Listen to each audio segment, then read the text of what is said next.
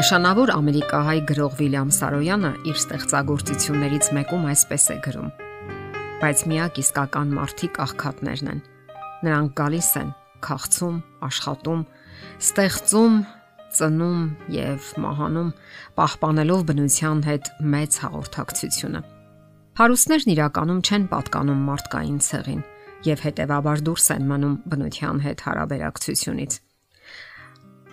Նրանք, ինչպես իրենք են երևակայում, պատկանում են ինչ որ գերադաս ցեղի։ Իսկ դա այլասերված մի ցեղ է, որ թեև կապ ունի աշխարհի հետ, բայց ոչ մի առնչություն բնության հետ։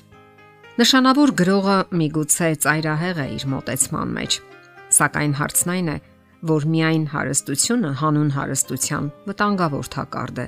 որի մեջ շատերն են հայտնվում։ Իսկ այդ թակարդն իր մեջ կլանել է հասարակական կյանքը Հանուն այդ հարստության շատերը զոհաբերում են իրենց կյանքի լավագույն տարիները, բնավորության լավագույն որակները, հաճախ էլ հենց կյանքը։ Հասկանալի է, որ բարեկեցիկ կյանքը գերադասելի է թշվառությունից, սակայն մինչև որ աստիճան կարելի է բարեկեցիկ դարձնել կյանքը։ Հարցը սա է։ Իսկ շատ դեպքերում էլ պարզապես մրցակցություն է, թե ով ավելի մեծ հարստություն կկուտակի։ Սակայն չէ որ այդ ամենը ոմանց հաշվին է մարդկանց աշխատանքի ու ջանքերի հաշվին։ Եվ բոլոր դեպքերում մարդիկ ընտրություն են կատարում՝ լինել հարուստ, թե աղքատ։ Միայն կուտակել, թե ունենալ նաև զոհաբերության հոգի։ Միայն ստանալ, թե նաև զոհաբերել։ Օրինակ շատերն են ասում, որ իրենք չեն կարողանում զոհաբերել իրենց դրամները, որովհետև աղքատ են։ Այսպիսով նրանք կայացնում են իրենց դատավճիռը, որ իրենք աղքատ են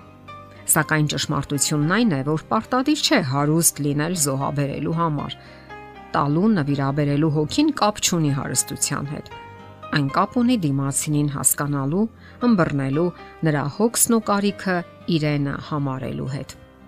Աստվածաշունչը մեզ սովորեցնում է զոհաբերել, ոչ միայն ստանալ, այլև տալ։ Այդ գիրքը մեզ սովորեցնում է զոհաբերության արվեստը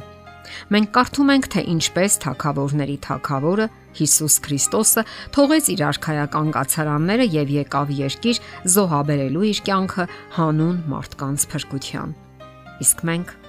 զլանում ենք զոհաբերել մեր դրամները հանուն ուրիշների։ Հասկանալի է, որ շատից տալու դեպքում մարդը շատ է կորցնում եւ հետեւաբար նա ավելի շատ է կարճում իր ունեցածից։ Սակայն մենք երբեք չենք աղքատանում, երբ տալիս ենք Պարզապես կա խելամիտ սահմանագից։ Որպես այդպիսի սահմանագից Աստվածաշունչն առաջարկում է ունեցվածքի որոշակի եւ մտածված չափաբաժին։ Եվ իհարկե խոստանում է, որ առատ օրհնություն կտա այն մարդկանց, որոնք բաժին են հանում իրենց ունեցվածքից։ Հարուստ լինելու պայմաններից մեկն էլ գոհաբանության եւ շնորհակալության հոգին է։ Երբ մարդը շնորհակալություն է հայտնում իր ունեցածի համար, ուրեմն նա հարուստ է, գոհ,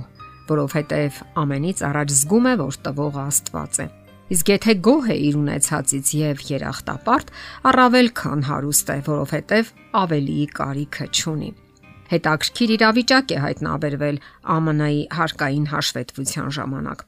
Պարզվում է, որ այն մարդիկ, որոնք հարուստ են, համեմատական տոկոսային առումով ավելի քիչ զոհաբերություններ ու նվիրատվություններ են անում բարեգործական կազմակերպություններին կամ ծրագրերին։ Իսկ ահա բնակչության նյութապես առավել անապահով եւ չպաշտպանված խավը ավելի շատ առատաձեռնություն է ցուցաբերում։ Ահա թե ինչու բոլորովին էլ պարտադիր չէ հարուստ ունևոր լինել, որpիսի կարողանաս ձեռքդ տանել գրպանդ կարիքավորներին օգնելու համար։ Իսկ իրականում մենք ունենք ավելին, քան միայն դրամներն են։ Հաշվեք ձեր ունեցածը։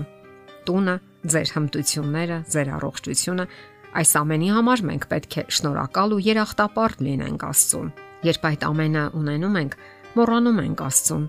իսկ երբ չենք ունենում, սկսում ենք գանգատվել ու բողոքել։ Ահա թե երբ է մեր աշխարհը աղքատանում, երբ նրա զավակները վարվում են եսասիրաբար,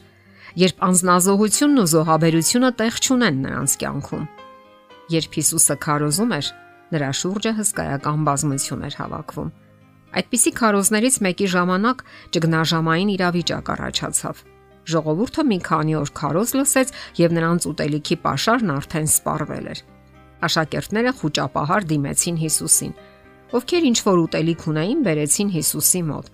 եւ նրանց մեջ մի փոքրիկ տղա, սակայն հսկայական հավատով։ Մայրը նրան մի քանի հաց ու ձուկ էր տվել, որpիսի չքախցի, սակայն երեխան վստահությամբ Հիսուսին հանձնեց այն։